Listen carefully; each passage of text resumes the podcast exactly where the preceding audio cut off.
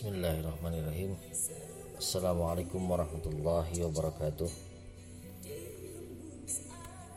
Selamat berjumpa kembali dengan saya Dianur Rahman di Anchor FM Selamat berjumpa kembali dengan podcast saya. Ini adalah podcast saya yang kesekian di mata kuliah. Introduction to Criticism. Sebagai kelanjutan dari materi perkuliahan yang pekan ini kita sudah sampai di masa neoklasik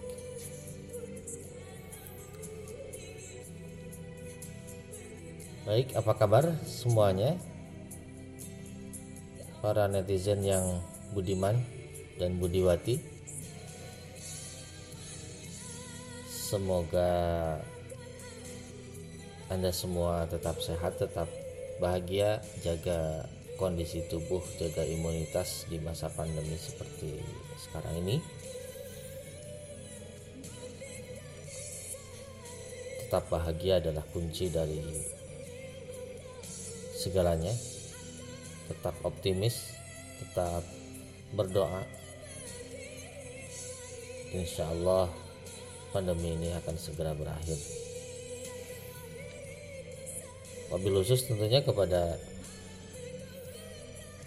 mahasiswa-mahasiswi saya yang mengambil mata kuliah Introduction to Criticism di Prodi Sastra Inggris Fakultas Adab dan Humaniora UIN Sunan Gunung Jati Bandung.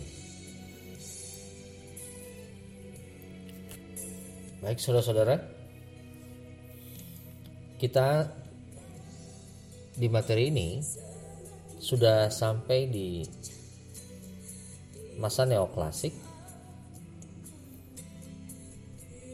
Masa neoklasik adalah satu masa, satu periode di mana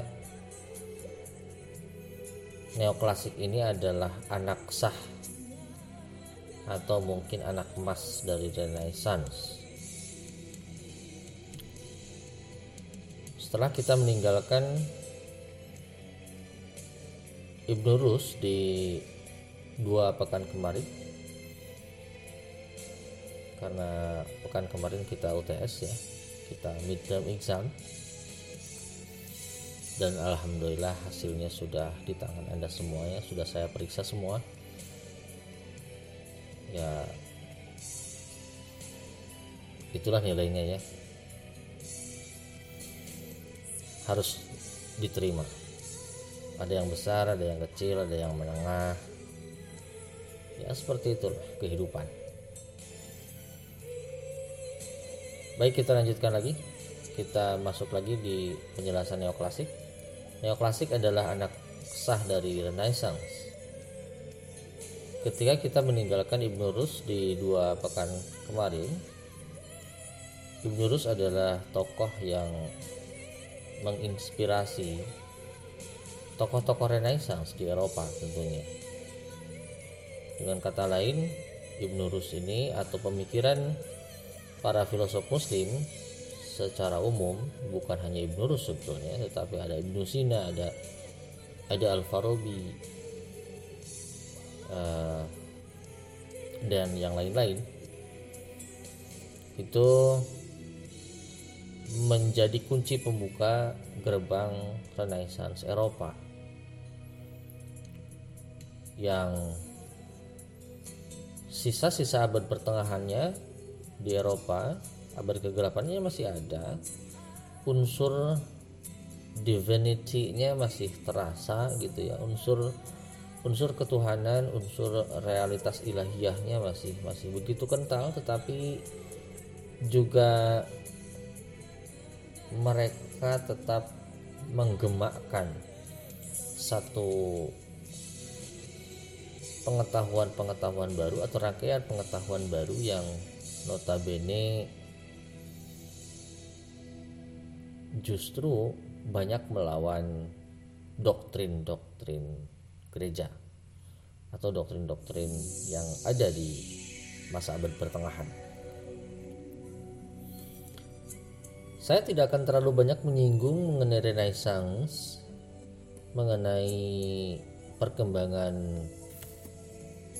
Renaissance-nya uh, atau masa-masa di masa Renaissance itu tapi saya akan lebih berfokus di konteks neoklasik. Karena uh, kalau saya sih melihatnya begini ya. Renaissance itu biasanya ditempelkan gitu ya. Ditempelkan pada atau disematkan pada perkembangan pemikiran yang eh, cenderung ilmiah gitu.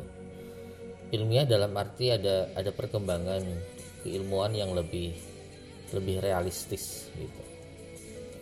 Tidak melulu penjelasan penjelasan dunia itu bersifat ilahiyah gitu.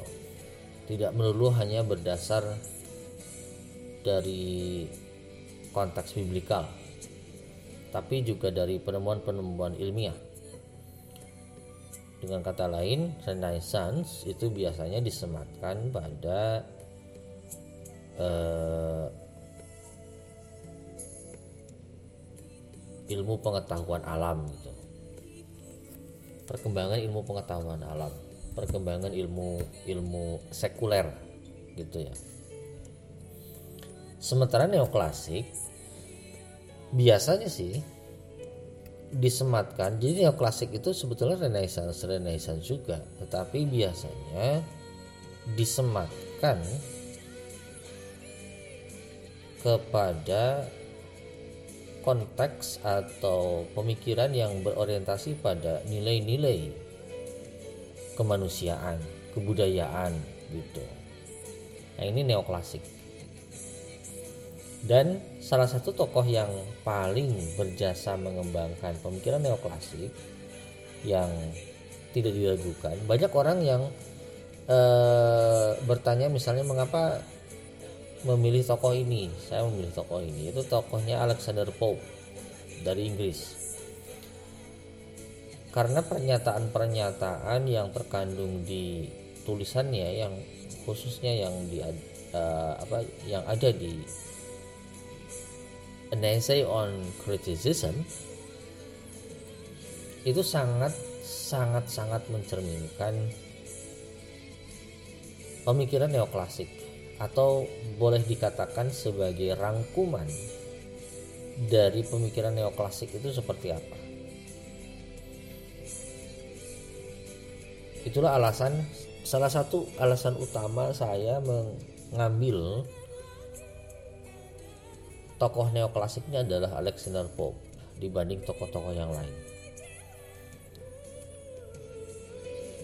Karena ada misalnya yang yang yang cukup terkenal uh, bukan cukup sih memang sangat terkenal juga di di konteks neoklasik ini orang Prancis bernama bernama Pierre Pierre Corneille Pierre Corneille uh, ada salah satu esainya yang terkenal yaitu of the three unities of action time and place tentang tiga kesatuan aksi waktu dan tempat.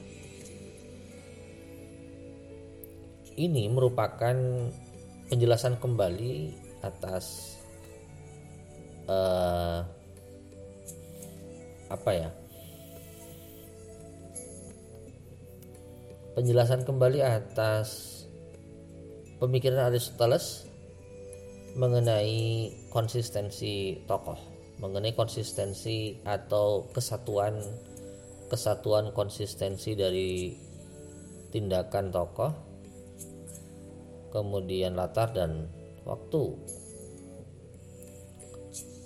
Saya tidak mengambil Pierre Cornell karena se sejatinya kita sudah sudah lebih jauh lebih paham lagi ketika kita uh, jauh lebih paham lagi Aristoteles ketika kita sudah membahas kemarin Ibnu Rus di dua pekan kemarin.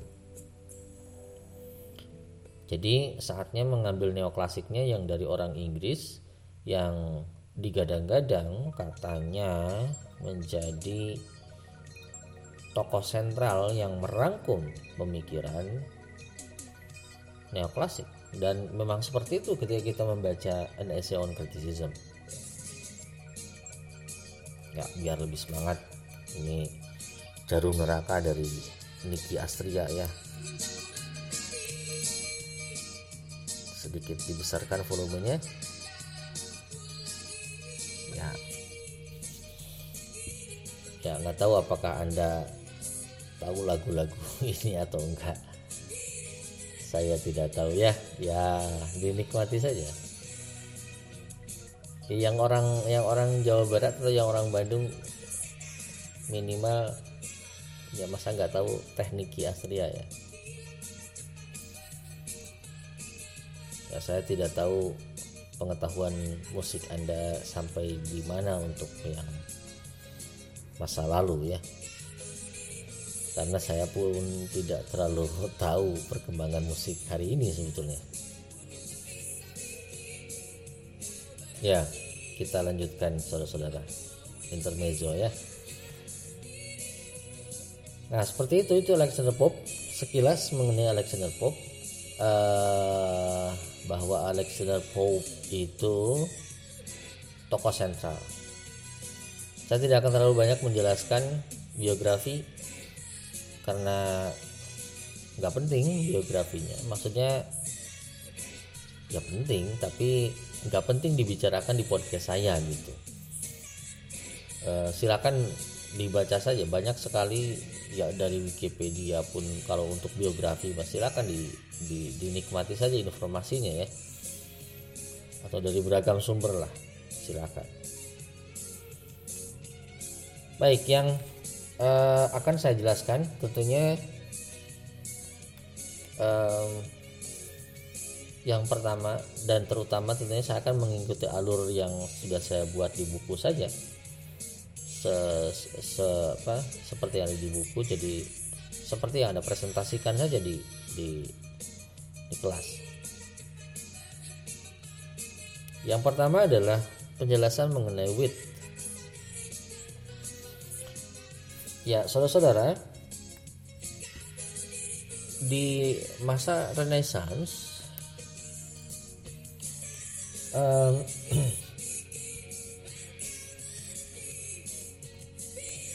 kita akan mengetahui bahwa pandangan dunia Renaissance, pandangan dunia neoklasik itu adalah tadi juga sudah saya sampaikan sebetulnya di awal ya adalah rangkuman atau sintesis dari uh, katakanlah um, tempelan-tempelan abad pertengahan yang kental dengan unsur pandangan Katolik Roma gereja gitu ya dengan prinsip estetika klasik Ya, yang dimaksud klasik di sini tentunya adalah Yunani dan Romawi kuno. Jadi lagi uh, apa bukan lagi-lagi. Uh, saya saya menjelaskan bahwa saya jelaskan, saya tekankan hari ini dari penjelasan saya sekarang bahwa ketika ada di dalam konteks ilmu sastra itu disebut klasik penyebutan klasik itu pasti terkait erat dengan masa Yunani dan Romawi kuno. Seperti itu.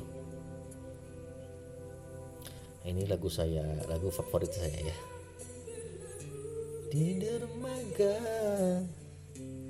ku telusuri kadang terjal berliku Wah sayang sekali. Yang sekali semester ini PPL nya tidak ke Jogja.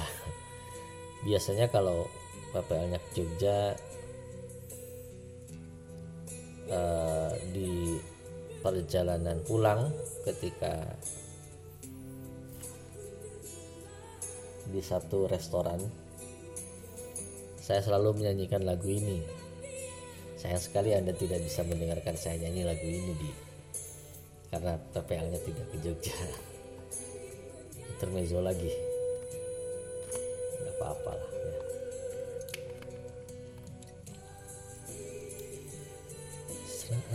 yang dalam adalah luka karena tikamnya baik kita lanjutkan saudara-saudara. Uh,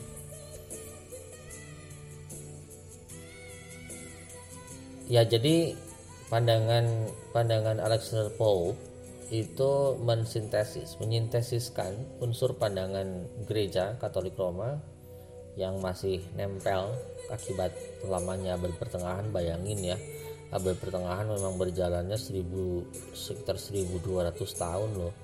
Dari tahun 400-an kurang lebih sampai berakhir di tahun 1450-an ya menuju tahun 1500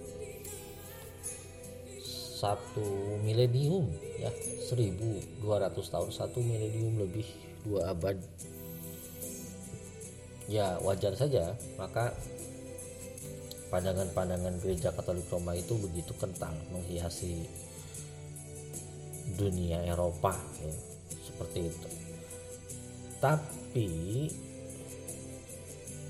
di dalam pandangan Alexander Pope ini dicampurkan, disintesiskan, digabungkan dengan prinsip estetika klasik yang saya sebutkan diambil dari pemikiran-pemikiran Yunani Romawi kuno. Dan salah satu yang mem yang membuktikan adanya penggabungan itu adalah pemikiran Alexander Pope mengenai wit ya apa itu with jadinya? Dalam konteks neoklasik, with ini kemudian dibagi ke dalam dua pemahaman. Ada genius, ada intellect. Kalau kita menyebutnya genius itu cerdas ya. Genius itu cerdas, uh, intelek itu pinter. Ini kenapa geser-geser? Genius itu cerdas intelek itu pinter. Kalau genius itu pasti merupakan satu bentuk terah gitu ya tahu terah turunan. Kalau intelek itu adalah proses belajar turunan jenis itu turunan dalam arti bahwa uh, tidak selalu harus anti eh sorry tidak harus tidak harus selalu gen. Tetapi turunan dalam pengertian memang memang diberkahi gitu ya oleh Tuhan dari sejak awal sejak lahir itu uh, kecerdasan. Nah uh, pandangan neoklasik itu melihat bahwa para sastrawan itu diberi anugerah itu loh gitu. Diberi anugerah kecerdasan itu. Pandangan neoklasik itu. Diberi anugerah kecerdasan jin, ke, apa genius ini. Wit yang kategorinya genius ini gitu. Dan bagi eh, pandangan gereja Katolik Roma um, ini dianggap sebagai sebetulnya dulu gitu ya waktu abad pertengahan. Makanya kemudian aspek-aspek atau nilai-nilai kebudayaan itu dihancurkan. Kebudayaan dalam artian filsafat sastra ya itu dihancurkan kan? Tidak tidak boleh yang sastra klasik maksudnya yang yang berupa yang berorientasi pada Yunani Romawi. Itu dihancurkan karena dianggap menyesatkan ya. Dianggap menyesatkan. Makanya pandangan Ibnu Rus yang dibawa oleh Averroism oleh oleh orang-orang yang mengikuti Ibn Rus ke Eropa ke belahan dunia Eropa yang lain selain selain Cordova selain Spanyol itu kan dianggap sesat gitu. Padahal itu kan nilai-nilai filsafat yang diambil dari Eropa sendiri sebetulnya dari Yunani Romawi ya. Dari Yunani wabil khusus. Aristoteles Plato Aristoteles dan sebagainya. Jadi Pope di sini menggambarkan ruang lingkup dan sifat eh, penulis sifat dari orang itu ada yang yang orang yang menulis. Itu ada orang yang punya wit dalam kategori genius ada orang yang punya wit dalam kategori intelek nah yang intelek ini adalah yang dihasilkan dari proses belajar Belajar kepada siapa? Belajar kepada yang jenius. Belajar memahami karya-karya atau produk-produk dari yang jenius. Atau belajar memahami alam secara keseluruhan karena alam karena kecerdasan itu kan alam, bakat alam. Itu ya. Kecerdasan itu bakat alam, bakat alamiah. Seperti itu. Jadi yang intelek itu adalah yang disematkan untuk kritikus. Kalau jenius disematkan kepada penulis e, sastra atau para sastrawan, sementara intelek itu disematkan pada e, apa kritikus. Di An Criticism ini Pop tidak hanya menggambarkan ruang lingkup dan sifat kritik sastra yang baik, tapi dia juga mencoba eh, apa mendefinisikan kembali bahwa lagi-lagi alam itu adalah kecerdasan, gitu. Makanya kembali ke alam itu menjadi seruan yang begitu menggema di masa neoklasik. Kembali ke alam tetapi tidak tidak boleh dikacaukan.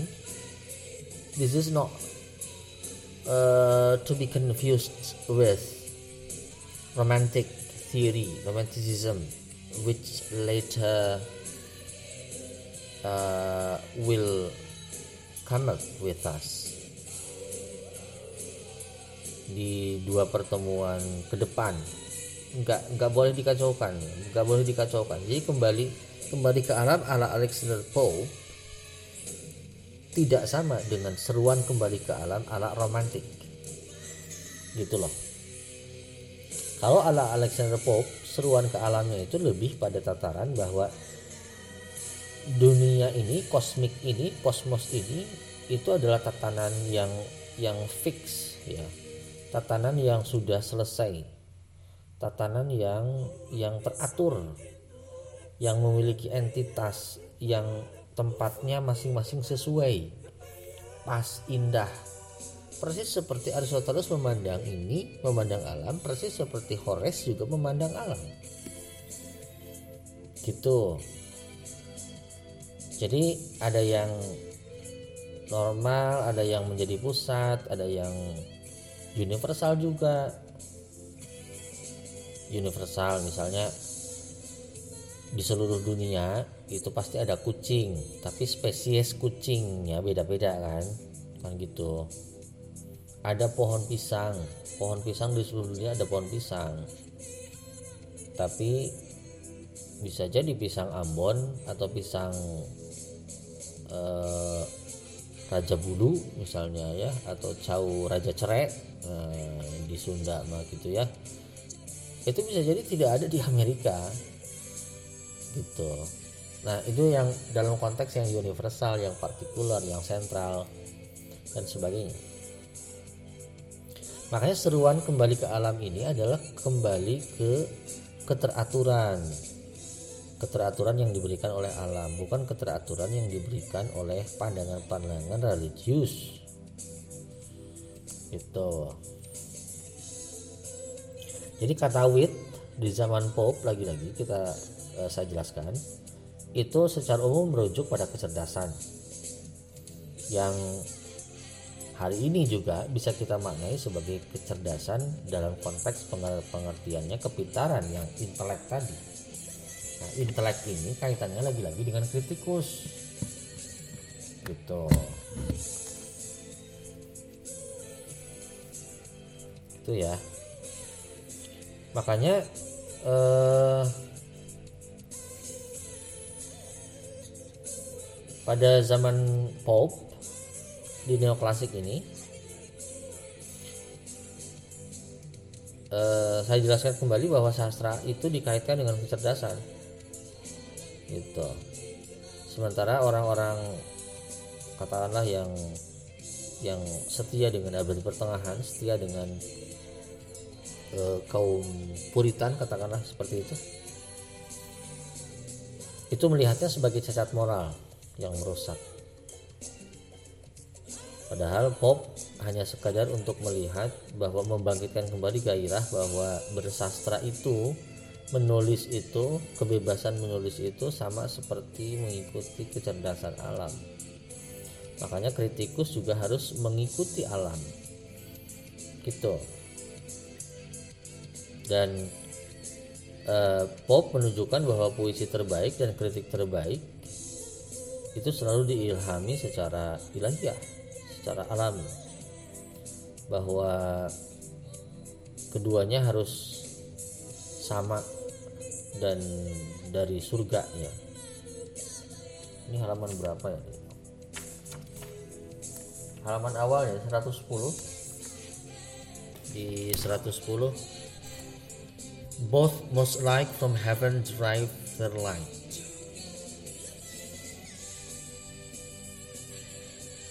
Jadi di part 1 di eh, halaman 110 di buku saya Tis with our judgments as our watch is known, good as like, yet each, yet each believes his own. In poets, as true genius is but rare, true taste as seldom is the critic's share. Both must alike from heaven derive their delight, delight. Is born to judge as well as those to write. Nah, itu yang konteks wit ya.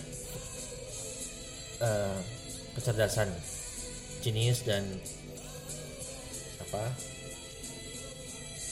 Uh, intelek nah seperti itu. Itu adalah penjelasan mengenai wit. Lalu penjelasan mengenai poetic genius yang kemudian following nature. Jadi kritik itu selalu akan berada di antara natural wit and the art of reasoning. Kalau saya melihatnya seperti itu. Bahwa kritik berada di antara kecerdasan alam dan uh, apa seni. Seni berargumentasi itulah the art of reasoning seni uh, apa penggunaan akal. Itulah. Uh, yang harus pertama kali dipahami adalah mengenai following nature. This is the basic one for understanding what criticism be like seperti itu uh, following nature ini menjadi menjadi satu keharusan source of divine and wit sebagai sumber dari kecerdasan ilahiyah tadi ya. gitu lalu uh, Pope kemudian mencoba untuk compromising nature as perceived by classical and renaissance thinkers. Nah ini tadi yang saya sebutkan sebagai sintesis. Bahwa nature itu delivers wit sementara reason delivers judgment. Ketika alam itu men, men, melahirkan wit ya kecerdasan sementara akal mind reason itu melahirkan kritik atau penilaian. Gitu. Jadi kita eh, sepanjang kita bisa mengikuti alam kritikus itu mengikuti alam mengikuti juga apa yang dituliskan oleh penulis uh, kita tidak akan kehilangan konteks Anda bisa melihat misalnya di halaman 111 di buku saya But you who seek to give and merit fame and justly bear a critic's noble name, be sure yourself and your own reach to know how far your genius, taste, and learning go. Launch, kita lanjut di halaman 112 ya. Launch not beyond your depth, but be discreet and mark that point where sense and don't smith. Nah ini, uh, bahwa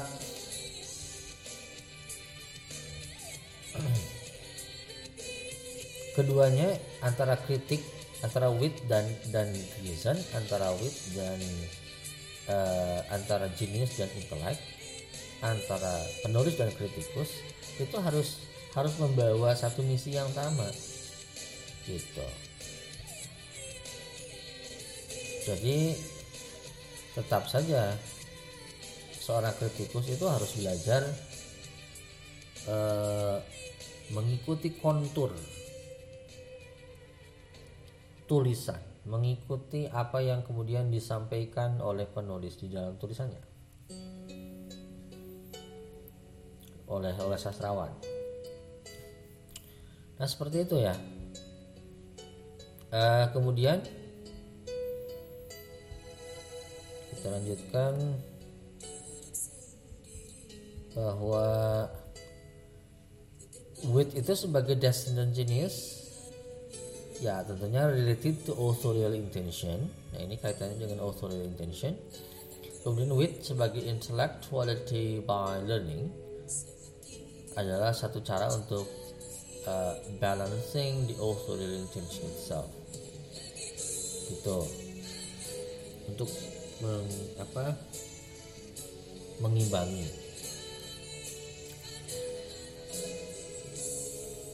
Dan makanya proses mengimbangi ini harus dialamatkan sorry harus harus disandarkan pada alam tadi following nature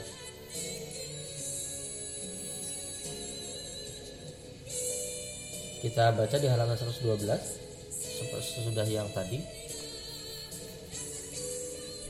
nature to all things fix the limits fit and wisely curb proud man's pretending with, As on the land, while here the ocean gains, in other parts it leaves wide sandy plains. Thus in the soul while memory prevails, the solid power of understanding fails. Where beams of warm imagination play, the memory's soft figures melt away. One science only will one genius fit, so vast is art, so narrow human wit. not only bounded to peculiar arts, but of in those confined to singular parts. Jadi kecerdasan manusia itu itu terbatas tetap ya. Seni itu tidak terbatas. Seni itu alam itu seni, gitu. Itu tidak terbatas. Tetapi kecerdasan manusia tetap tetap terbatas. Like kings, we lose the conquest gained before by vain ambition still to make them more. Its mighty several provincial command would all but stoop to what they understand. Nah, jadi dengan konteks ini maka kita akan mampu melihat, memahami bahwa um, ambisi akan sia-sia saja tanpa dibarengi dengan ambisi untuk mengkritik maksudnya. Akan sia-sia tanpa dibarengi dengan pembelajaran untuk mengimbangi kecerdasan kecerdasan penulis. Makanya kata Pope first follow nature and your judgment framed by her just standard which is still the same unerring nature still divinely bright, one clear, unchanged, and universal light. Life force and beauty must all impart at once the source and end and taste of art. Nah gitu. Jadi um, mengikuti alam itu adalah satu-satunya standar. Alam yang teratur yang tempatnya sudah pas. Masing-masing di sini ada gunung di situ ada hutan dan sebagainya misalnya. Nah gitu. Jadi uh, itu pula yang sudah dikerjakan oleh sastrawan gitu loh maksudnya oleh para penulis. Makanya jangan jangan jangan memunculkan proudness ya. Jangan memunculkan satu kesombongan yang yang membuat kebodohan diri sendiri. Gitu. Penilaian itu kritik itu tidak boleh eh, apa? Tidak boleh hanya melihat eh, satu aspek saja tanpa kemudian menga, uh, tanpa kemudian melihat aspek-aspek yang lain.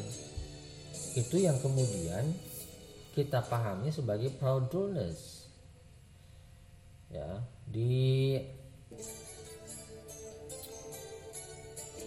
proudness itu di halaman berapa ya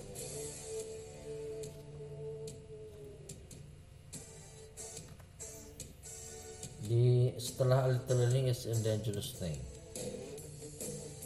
eh di mana ya? Saya lupa lagi ya. Sebentar. Ya sambil saya mencari nikmati lagu ya. Dunia tua jadi saksinya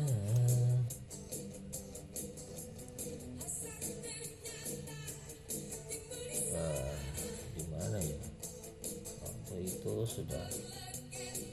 Come on.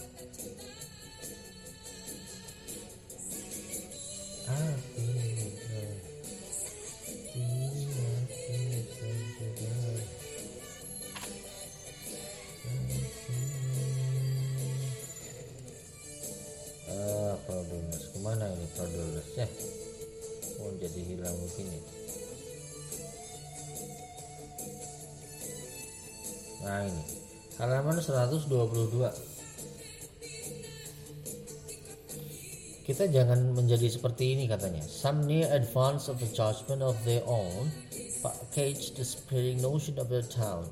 They reason and conclude by precedents and on stale nonsense which they never invent. Some judge of author names not works and they not praise nor blame the writings but the man. Of all this heard towards is that is he that in cloudiness joins with quality. Nah gitu. Jadi uh, ada orang katanya nama 122 ya di buku saya ada orang yang di masa Arsenal Pop itu seperti itu meng mengkritik itu cuma nama penulisnya gitu atau orangnya tidak bukan karyanya bukan tidak kemudian juga memuji atau menyalahkan tulisannya gitu. Tapi menghujat orangnya gitu. Menghujat orangnya. Dan dan itu itu banyak sekali di masa neoklasik di masa Alexander makanya itu yang dimaksud dengan proudness bahwa yang terburuk itu adalah yang fraudulence joins with quality katanya itu quality yang di sini dimaksud adalah seperti ada catatan kakinya di sana adalah people of high rank or high class. Gitu. Jadi orang yang berasal dari kalangan elit kelas sosialnya elit kemudian menghujat orang atau penulis yang baru muncul misalnya tanpa melihat teksnya dan itu yang salah. Nah kita di, dikasih rambu-rambu oleh Alexander Pope supaya tidak seperti itu. Gitu ya. Itu salah. Gitu. Dan lalu yang benar itu bagaimana? The perfect judge is he who learns much from the author works based on the rules of criticism. Itu aturan kritik. Lalu aturan kritik itu yang mana? Yang kemudian kita kita kita pahami sebagai the right course of judgment. Di halaman 113 the right course of judgment. You then whose judgment and uh, you, you then whose judgment the right course would steer know well each answer's proper character. His fable subject scope in every page religion country genius of his age. Nah, kita bisa melihat di sini, di sini kita mulai secara sistematis. Alexander Pope. Kalau gini loh, uh, kalau di, di pertemuan-pertemuan sebelumnya, di materi sebelumnya itu tidak secara eksplisit tokoh-tokoh yang kita bahas itu mengatakan. Ini juga nggak eksplisit juga sih sebetulnya sama. Tapi kita bisa memahaminya secara langsung bahwa ini ke situ gitu. Ke arah mana? Ke arah pembagian ada unsur intrinsik dan ekstrinsik gitu loh. Alexander Pope lah yang menurut saya paling tidak me me mengenalkan secara sistematis unsur intrinsik di dalam karya sastra dan unsur ekstrinsik di dalam karya sastra. Di halaman 113 ini whose judgment right course will steer, nowhere each answers proper character. His fable subject scope in every page. Itu adalah unsur intrinsik itu page. In every page katanya. Fable itu adalah plot maksudnya subject itu uh, topiknya temanya scope-nya itu adalah wilayah yang terkait dengan time dengan setting dengan apa? Uh, uh, setting dengan point of view dengan yang segala macam ya pokoknya semua unsur intrinsik yang ada di dalam teks ya. Ini every page. Yang kemudian digabung dengan unsur extrinsic.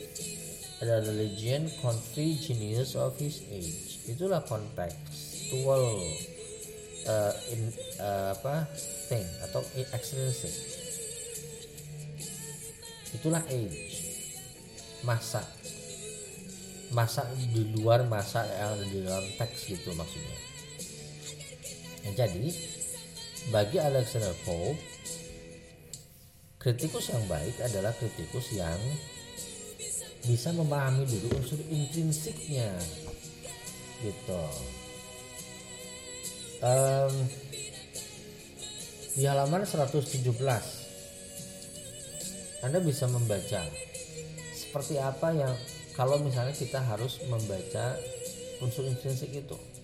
A perfect judge will read each work of wit with the same spirit that is also read. Survey the whole, nor seek slight faults to find. When nature moves and rapture warms the mind, not lose for that malignant delight the generous pleasure to be charmed with wit.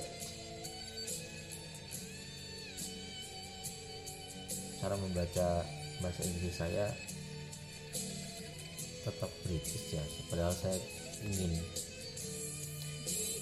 ingin sedikit meninggalkan kebritisan ini uh, coba baca di gaya Amerika ini. A perfect judge will, will read its work of wit. With the same spirit that is also read survive the whole nor seeks light faults to find. When nature moves and rapture warms the mind. Ah, nggak bisa nggak bisa. Uh, ya seperti itu. Ini ini survei kuncinya ini. Survey the whole nor six light force to find jadi anda harus survei the whole dulu survei semuanya keseluruhannya. Unsur intrinsiknya dipahami karakternya seperti apa sudut pandangnya bagaimana settingnya di mana. Kan gitu. Semuanya dibahas. Puisi misalnya berarti simbolisasinya seperti apa diksi-diksinya apakah mengandung diksi konkret atau abstrak? Kemudian figurative language-nya seperti apa? Apakah cenderung cenderung misalnya metafornya lebih banyak ketimbang simili misalnya? Atau kemudian banyak yang lain dan sebagainya? Nah seperti itu. Jadi survei the whole. Jangan ini mah baru saja ngelihat covernya doang langsung kemudian menjatuhkan satu celaan satu penilaian. That's the bad novel misalnya that's the bad work. Atau bahkan ketika hanya melihat misalnya namanya saja karena kita tidak suka dengan nama penulis itu misalnya langsung kemudian kita menjudge menghakimi menilai mencela. Itu karya yang jelek ya nggak bisa. Kata Alexander Pope survey the whole nor six slight spots to find gitu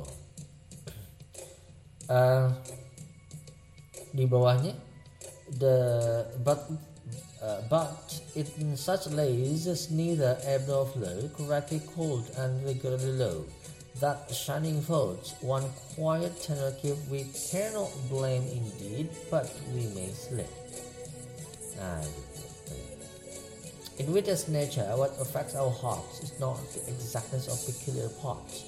Tis not to live or I or be beauty call, but to join force, force and full result of all. Nah seperti itu. Jadi um, di dalam di dalam wit itu uh, itulah panggilan Allah yang kemudian mempengaruhi jiwa-jiwa kita untuk menggabungkan kekuatan kita meng, meng, mengkritik karya se, sesemangatnya penulis menuliskan karya itu. Nah, gitu ya. Itulah perfect judge. Itulah right course of judgment. Jadi Alexander Pope ini memang tidak tidak sedang membuat satu pernyataan teoritis mengenai mengenai aspek apa yang harus ditinjau dari karya sastra yang baik misalnya. Enggak. Tapi menurut Paul semua aspek harus ditinjau baik page maupun age baik tekstual maupun kontekstual baik intrinsik maupun ekstrinsik. Nah seperti itu. Uh, apalagi ya? Sisanya anda baca sendiri banyak sekali quote-quote yang yang bagus di sini. Ya. Uh, intinya seperti itu ya. Yang bisa saya jelaskan.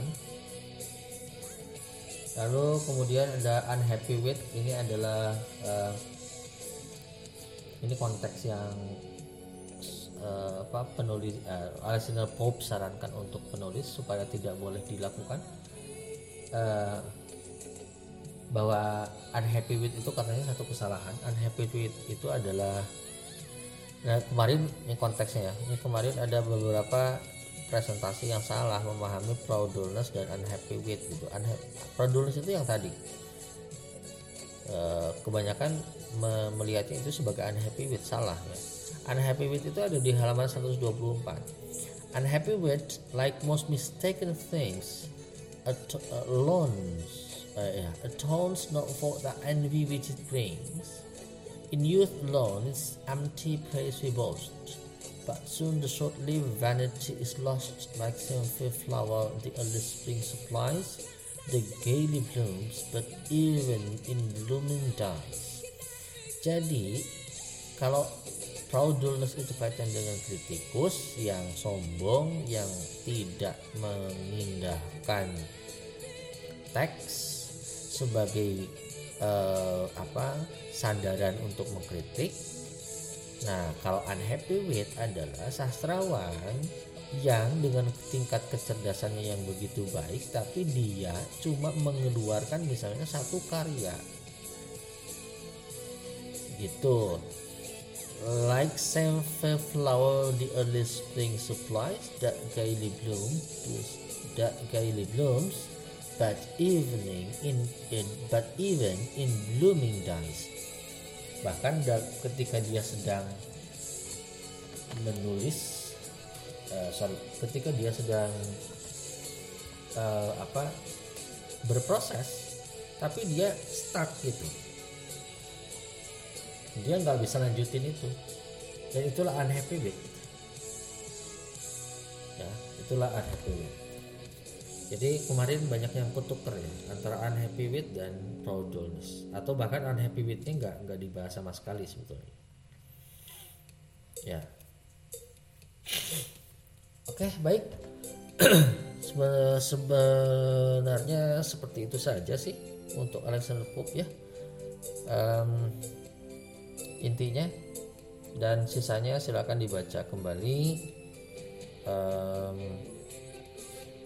itu memang agak susah membacanya eh, bukan agak susah. Uh, memahaminya agak susah karena memang ditulisnya dalam bentuk puisi gitu ya. Itu iambic pentameter loh. Dari awal juga sudah kelihatan ya kalau anda melihat kalau anda membaca dari awal juga it hard to say if get if get if greater want of skill appear in writing or in judging ill. Itu dua baris pertama saja sudah sudah iambic pentameter ya. Silakan di misalnya dihitung just hard to say if 5 ya. Ya just hard to say if itu 5 5 5 ketukan berarti satu kali iam ya. Satu kali iam